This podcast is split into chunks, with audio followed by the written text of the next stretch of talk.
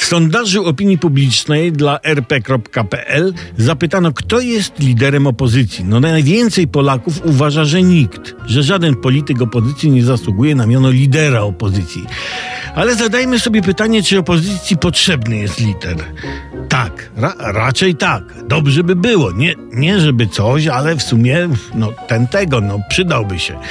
Dzisiejsza opozycja jest lekuchno bezobjawowa i dlatego charyzmatyczny lider jest tu dość, jakby to powiedział poeta, ważny.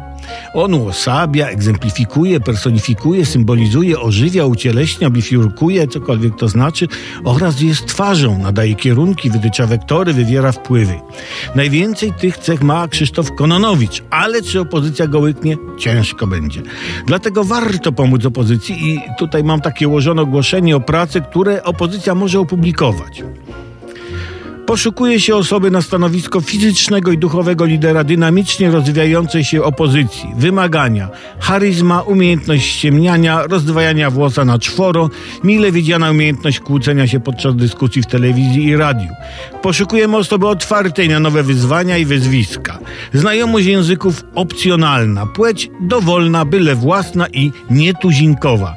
Zapewniamy pracę w młodym, ale bez przesady, dynamicznym, też bez, bez przesady, zespole. Wynagrodzenie adekwatne do doświadczenia. Najchętniej zatrudnimy niewysokiego mieszkańca Boża, kochającego koty, z doświadczeniem na podobnym stanowisku w Prawie i Sprawiedliwości. Chętnych prosimy o kontakt. Jeszcze nie wiadomo z kim, no bo nie mamy lidera.